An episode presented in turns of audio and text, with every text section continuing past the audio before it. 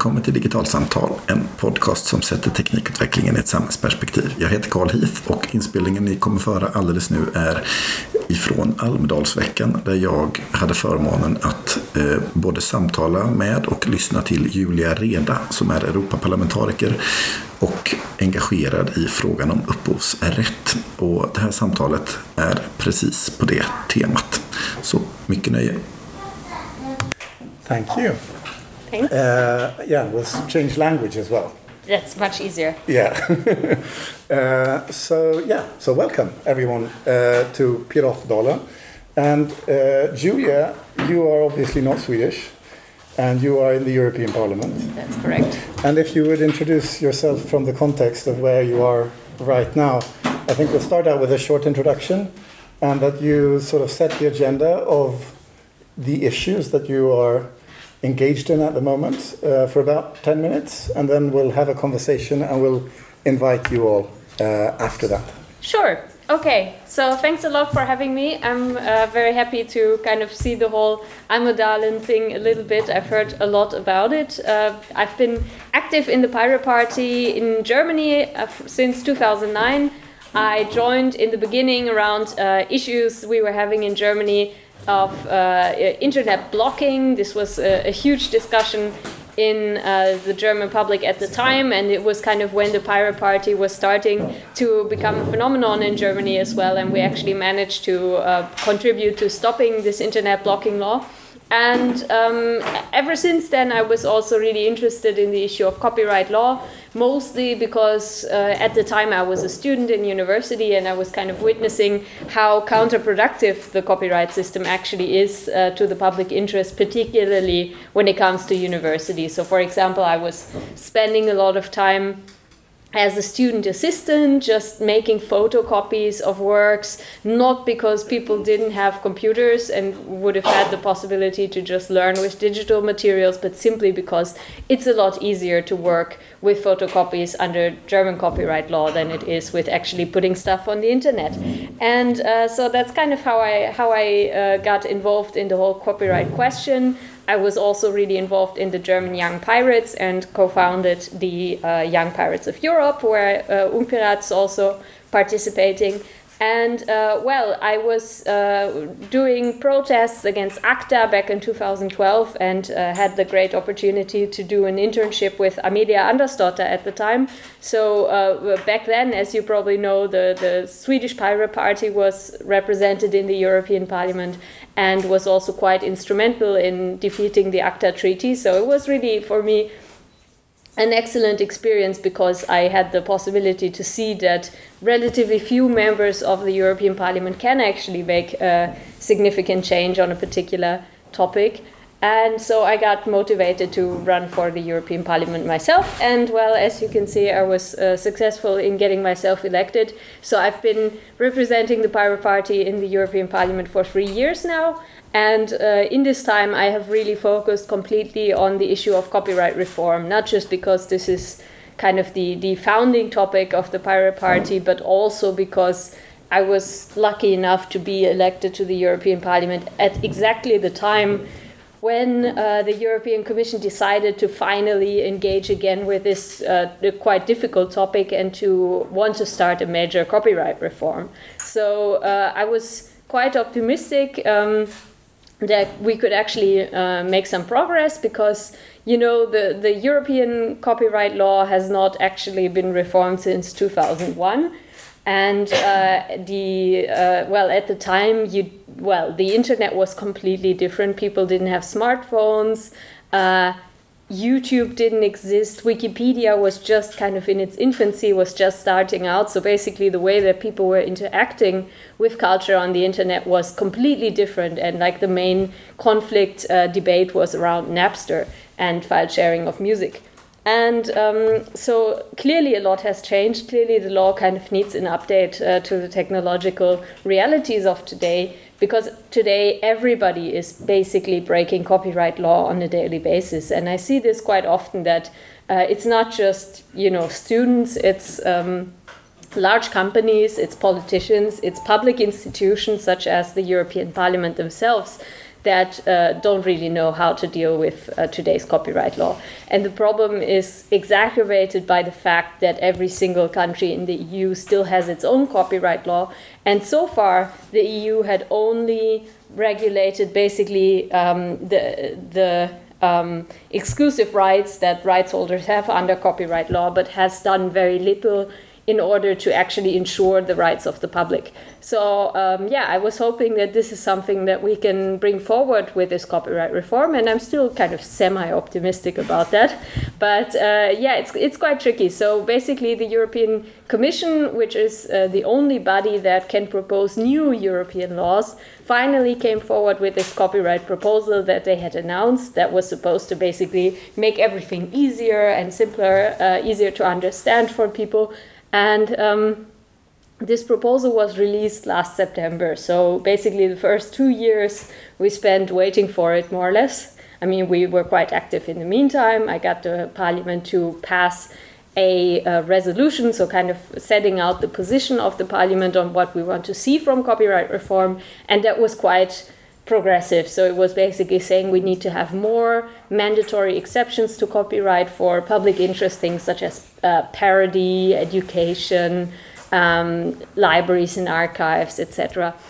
And uh, the proposal that was put on the table does this very partially. Like it does not deal with the questions of um, modern internet culture at all. Like it didn't include an exception for remix, for parody, for quotation, anything that people who are actually creative on the internet themselves might find useful. But uh, the European Parliament actually wants to put this into the reform. So uh, one of the committees in which I'm working has actually passed a uh, remix exception as part of this uh, bill. But of course, uh, it's not the parliament itself that can basically decide to make this uh, law across Europe, but we will convince, first of all, the lead committee and then later the council, where national governments are organized, to actually put this uh, remix exception into law. So it's possible to kind of extend this proposal beyond what uh, the commission had in mind. Uh, what it did include are some mandatory exceptions for research and education, for libraries.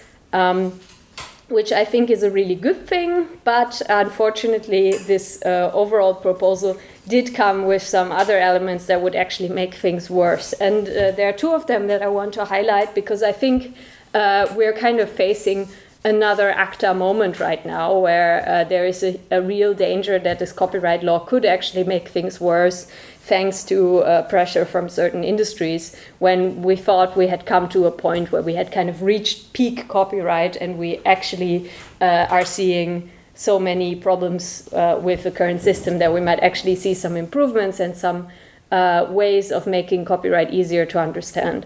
And so these two uh, issues, one of them has to do with uh, the music industry, the other one has to do with the publishing industry. Um, so the music industry issue is basically uh, comes down to a conflict that um, music labels have been having with YouTube for a number of years. I mean, uh, you're probably aware of this that. For example, in Germany, you were not able to watch music videos on YouTube for a really long time. You would see, like, this video is not available in your country. And uh, this was mostly due to, to disagreements between the collecting societies and uh, YouTube. And um, well, the basic situation is that uh, a, a, hosting provider is not responsible for what the users upload. However, if somebody sends you a takedown notice and says you are actually hosting copyright infringing content, you have to take it down immediately. Uh, YouTube did not particularly want to take this content down because a lot of people were watching it, and also the rights holders did not particularly want to take it down either because. Um, people seeing music videos on YouTube actually are more likely to, to get to know the bands and so on. And uh, so YouTube put in place this system called Content ID, which is basically a, um, a filter, um, which from a fundamental rights perspective can get kind of problematic. And I will just say a little bit about that. So basically, what Content ID does is it, it gets a database from rights holders of all the music they represent and then it automatically detects every upload uh, of this particular music to the service. So far, the theory at least. And uh, the rights holders can then decide either to have it taken down or to get a share of the advertising money or to just see what people are doing with it. And um, well, the rights holders said yes to that. At least 95% of the people actually say yes to it. Uh, but, um, well, they don't think they get enough money. So they created uh, this, this uh, narrative that basically they should get as much money from YouTube as they get from Spotify, for example, per listen, which is a bit absurd because, well, people who are using Spotify are actually paying for a subscription. And uh, yeah, so it's a completely different business model because uh, Spotify is basically hosting and licensing all the music itself. So uh, this is kind of the problem that the music industry went to uh, the European Commission with, and the European Commission came up with uh, a new article in this copyright law that basically does two things.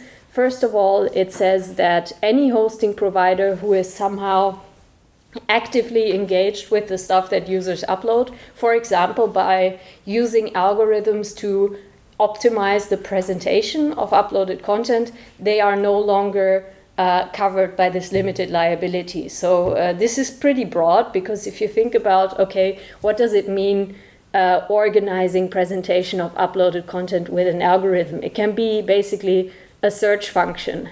Um, so if you are a hosting provider that has a search function, or if you have something like people who watch this video also watch this other video, then you're basically no longer uh, under this limited liability. So, in other words, you are directly liable for the copyright infringement for your users, which is a huge problem because, well, what are you going to do if you're a host provider uh, where users are uploading hundreds of files every day or even more? Um, and so, uh, the, the second part of this uh, proposal is that these host providers um, if they are hosting large amounts of uh, content that is actually accessible to the public, then they have to take out licensing agreements and they have to put in place content recognition technology. So basically, this proposal that is supposed to uh, somehow uh, deal with the conflict between the music industry and YouTube is essentially trying to make every website where users can upload content into a, into a small YouTube. And uh, I, well, I think this is a terrible idea for a number of reasons. First of all, because this technology does not actually exist for all kinds of copyright infringement. Like it's relatively trivial to detect a particular song. Uh, like a particular sound recording, but copyright infringing content can be all kinds of things. So, for example, uh, software code. So, a website like GitHub would actually have to put in place automatic filters that can detect copyright infringing software that somebody has uh, uploaded. Or, uh, well, pictures is pretty difficult because, on the one hand, the picture itself can be a copyright infringement, like you took somebody else's picture and uploaded to Flickr, but it can also be something like well, the picture shows the Eiffel Tower at night in the background, and the light show of the Eiffel Tower is uh, protected by copyright, and you are not allowed uh, to take such pictures without a license for commercial purposes in France. And so, if you upload that to Flickr, it's also a copyright infringement. So, basically, these websites would not just have to detect direct copies of copyrighted content, but also just stuff that is in the picture. And well, how can they do that? Possibly through machine learning, but they're not actually allowed to do machine learning. Like they're not actually allowed to use a lot of pictures of the Eiffel Tower because that would be text and data mining, which in itself would be a copyright infringement. So it's, yeah, for the companies, it's obviously not really possible to comply with this law. But I think the more important problem is for the users because. Um, I mean, first of all, the European Court of Justice has made it clear in the past that um, surveying everything that users upload to a platform is an infringement of their right to privacy and their right to free speech. That's the first issue. The second issue is basically uh, if your stuff gets taken down, it's extremely difficult to actually claim that what you did was legal and that you have a right to have this uh, stuff online because uh, the copyright exceptions that allow you to use copyrighted content uh, are not respected by this proposal at all. So I think there's a, a huge problem, basically a, a, chilling effect that will make it increasingly difficult for people to use open platforms where they can just upload their stuff. Because for the companies that are actually running these platforms, it will be a lot easier to only allow licensed content that is coming from the collecting societies, more or less. Um, so that's kind of the, the first big issue. The second uh, issue is even stupider in a way. Um, it's uh, coming from German publishers who managed to pass this in Germany. And it's basically an, an extra copyright on news articles that goes beyond what is already covered by copyright. I mean, if you're a journalist and you write a news article, that article is covered by copyright. It's pretty simple. However, uh, this new neighboring right for publishers would apply to the same article, except that it doesn't require originality. So, this means an algorithm generated article would be protected by this, and also a very, very short part of the article would be protected uh, that usually wouldn't reach the threshold of copyright protection. So, this means that, for example, quoting only the headline of a newspaper article would be an infringement of this neighboring right. Now, why are the publishers doing this? Um, well, again, it's because of Google. Uh, in this case, um, publishers are saying the fact that Google is using the short snippets of news articles in their search results is unfair because uh, Google is putting advertising next to the search results. And so they want to basically circumvent this or make Google pay them part of their advertising revenue by saying, if you actually want to use the headline of our article in the search results, you have to pay us. So they already passed this in Germany. The result was that Google, well, stopped showing their stuff in the search results. Not very surprising. And so then the publisher saw they got less people visiting their websites and uh, gave Google a free license, uh, but not anybody else. So basically, Yahoo or any other search engines in Germany does not have a free license. And so a law that was supposed to basically give some of the money that Google is making from advertising to the publishers completely backfired because it actually strengthened Google's position. So now they want to pass this on a European level. And uh, well, I think it's pretty obvious why this is a bad idea because it would basically make the sharing of news on social media or even through an email or something like that illegal because well if you want to share a news article you have to quote at least a very short part of it and uh, yeah, so these are kind of the, the bad parts of the copyright proposal that I'm uh, fighting at the moment in the parliament.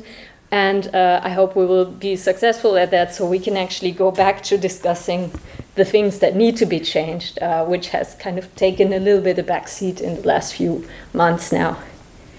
Thank you for that introduction to the uh, to what, what you're doing at the moment and sort of the issues that you see. I have I have a bunch of questions. Okay. but the first question is basically what you're describing now, these uh, proposed changes that has been going on. Sort of where are we in the process at the moment, yeah. if we okay. start there? So basically, the process has been a little bit insane because a lot of things have suddenly changed. So we uh, started in September with this proposal. Then um, the Bulgarian commissioner for the budget resigned which has, of course, nothing to do with copyright, but it led to a change in the entire commission. So basically, the guy, the German commissioner, Günther Oettinger, who was responsible for drafting this law, became the new budget commissioner. Uh, I guess he was kind of, uh, well, he got uh, a promotion for his racist and sexist comments uh, that he made a couple uh, months ago. So they meant we have a new digital commissioner now who is uh, Mariya Gabriel from Bulgaria, and she is just starting out. So we don't know if she is going to have the same approach to things or a different approach. In the parliament, um, the way the system works is we get a proposal from the commission and then uh, the parliament elects or chooses a rapporteur which is the person who is responsible for negotiating the parliament position and this rapporteur was uh, Therese Comodini Cachia from uh, the conservative EPP group. And she actually made a pretty decent report considering she's a conservative, where she said, well, this neighboring right for publishers is a really bad idea for the functioning of the internet. And instead, she proposed um, that the publishers should get the right to sue on behalf of the authors if somebody's taken an entire article and posting like it a somewhere class else. action lawsuit type Sort of thing. something like that, yeah. Which also has its problems because not always, if somebody is copying an article, does it mean that the author disagrees with it. Like think about scientific authors, for example, who very often voluntarily publish their stuff different places. But at least it would be less. Um, uh, damaging than a neighboring right because it wouldn't protect non-original parts of, uh, of articles. And on the other question of the content monitoring, she also made some improvements, saying this whole thing needs to be like, first of all, it shouldn't change the existing rules for liability. So basically, if you don't know that somebody is doing illegal things on your website and uh, you have no well, you have not encouraged them to do so, then you're not liable for it unless you actually get informed about it. And she also kind of changed the, the uh, proposal on the content filtering because, well, um, she actually uploaded a, a video to YouTube of her own where she tried to comply with the law exactly in using some of the copyright exceptions. And it was, of course, taken down and she was kind of convinced that uh, these filters are not capable of actually respecting users' rights. And so instead, she kind of proposed okay, um, if we require certain platforms that are kind of actively engaged with what the users are doing, if we require them to take out a license and to make agreements with rights holders, then they still have to respect the exceptions and limitations, and users actually get the right to go to court if uh, they are not respected. But I mean, Um, what, what which is good. What happens? I mean, with this parliamentary uh, uh, answer, so to speak, Yeah. the report. Well, now comes the crazy part. Yeah. So, uh, the Prime Minister of Malta was in the Panama Papers, and um, this was uh, few, well revealed a couple months ago. Um, and um, Malta has a two-party system. You have the Socialist Party that is in power, and the Nationalist Party, which is the party of uh, the copyright rapporteur. So, because the Socialist Prime Minister was in the Panama Papers, he decided we're going to have a snap election to see if people still trust me. Turns out. The parliamentary, uh, the, the people of Malta totally trust their uh, uh, corrupt prime minister. so, um, the, they had these snap elections. The rapporteur for copyright actually ran in the elections because, uh, well, uh, she is the shadow minister for justice and culture, so she might become a minister if her party wins, but her party didn't win. Um, so uh, she was, however, elected to a seat in Malta to the parliament to be an opposition member. She then said, Well, okay, under these circumstances, I think it's better if I stay in Brussels because, you know, uh, I want to. Uh, restore the Maltese, like the picture of Malta in, in the EU and stuff. And then people in Malta got very, very upset and started kind of posting abuse on Facebook saying she just wants to stay in Brussels because she gets a higher salary, blah, blah, blah. So she then decided to take up the seat in Malta after all. So now, uh, because of the elections in Malta, we're having a new person in charge of uh, copyright. so everything is Uh, basically starting over yeah, it's like the new commissioner, new rapporteur, new everything, and nothing is going to happen until September. And uh, which is a bit of a problem because, of course, the elections are coming Yeah. closer and closer. So will, will do you think there's any chance that this question will be addressed before elections? Yes, I mean we still have from September we have still have one and a half years where the parliament can pass uh, its position and come to an agreement with the council. However, um, well, there there's a good side and a bad side to it. Of course, uh, the good side is that close to the election. People are going to watch much more closely what people are doing in the European Parliament. So, especially if there are kind of important fundamental rights issues at stake, it might actually be helpful. On the other hand, of course, the publishing industry, it- uh, in particular, um, the German publishers, uh, they have more influence in election season as well. And you can really tell that, for example, the German government, which is uh, like in the middle of an election campaign in Germany right now, has more or less changed its position on this uh, publishers issue. Like in the beginning, they were sort of neutral on it because they were seeing it was not working in Germany. But uh, suddenly, when kind of the election candidates were all appointed and so on, the German government changed its position. It's con- well, the German government is the two major parties on the left and the right, So, so, and it basically, I think, because they're afraid of the publishers in Yeah. an election year.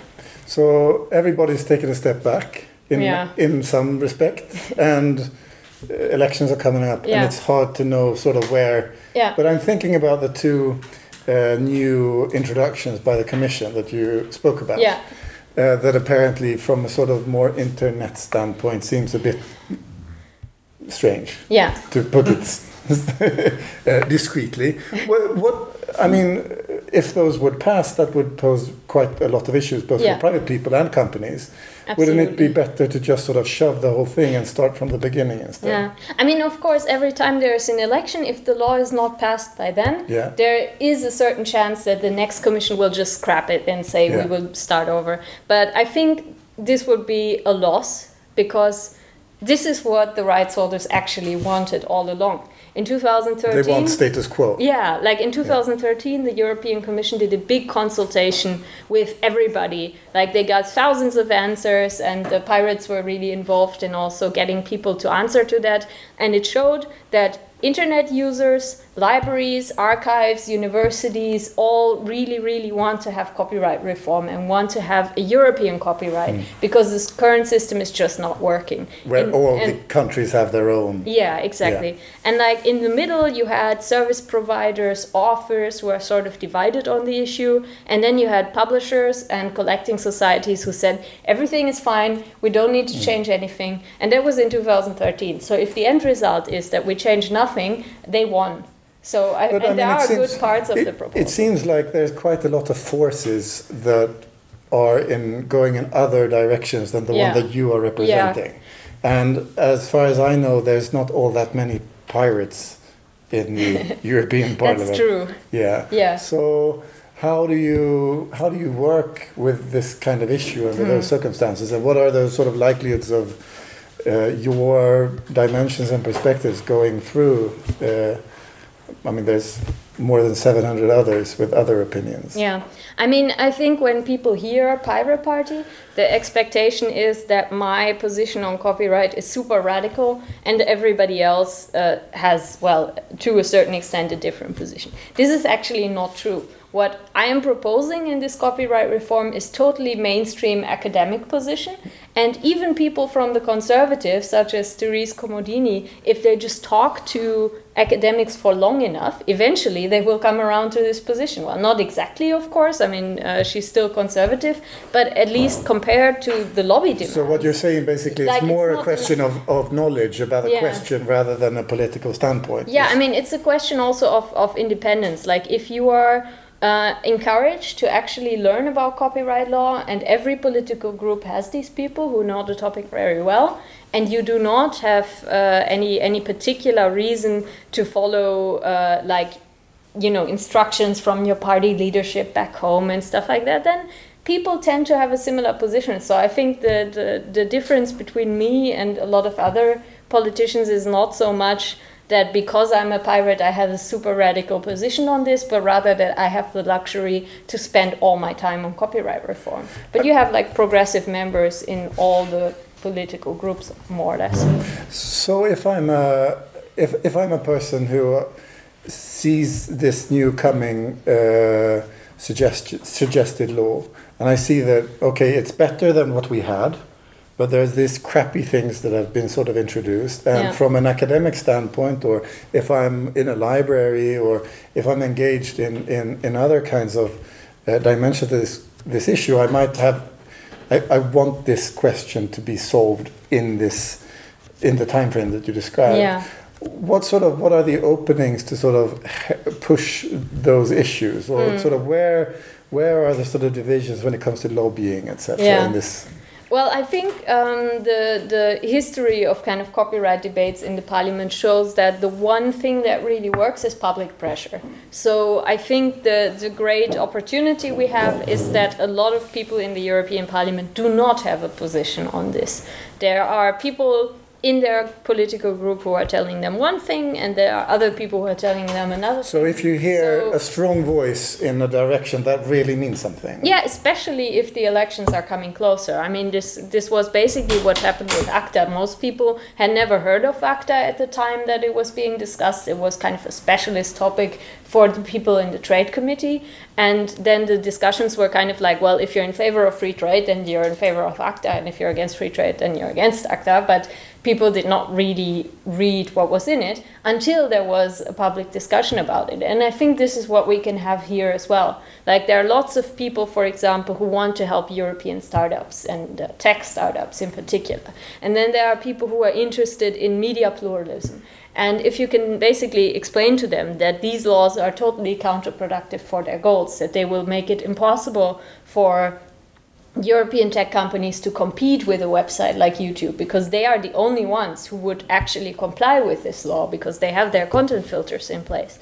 And if you can explain to them that this neighboring right for publishers has actually led to less media pluralism in Germany and Spain, where it was introduced, and has not created any money for publishers, I think you can change their minds. And there are already uh, quite a number of politicians who have changed their minds on this.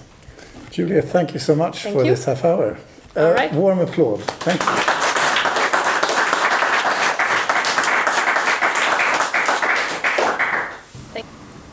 Med detta är dagens podcast slut. Surfa gärna iväg till vår Facebook-sida och gilla den. Digitalsamtal heter vi där.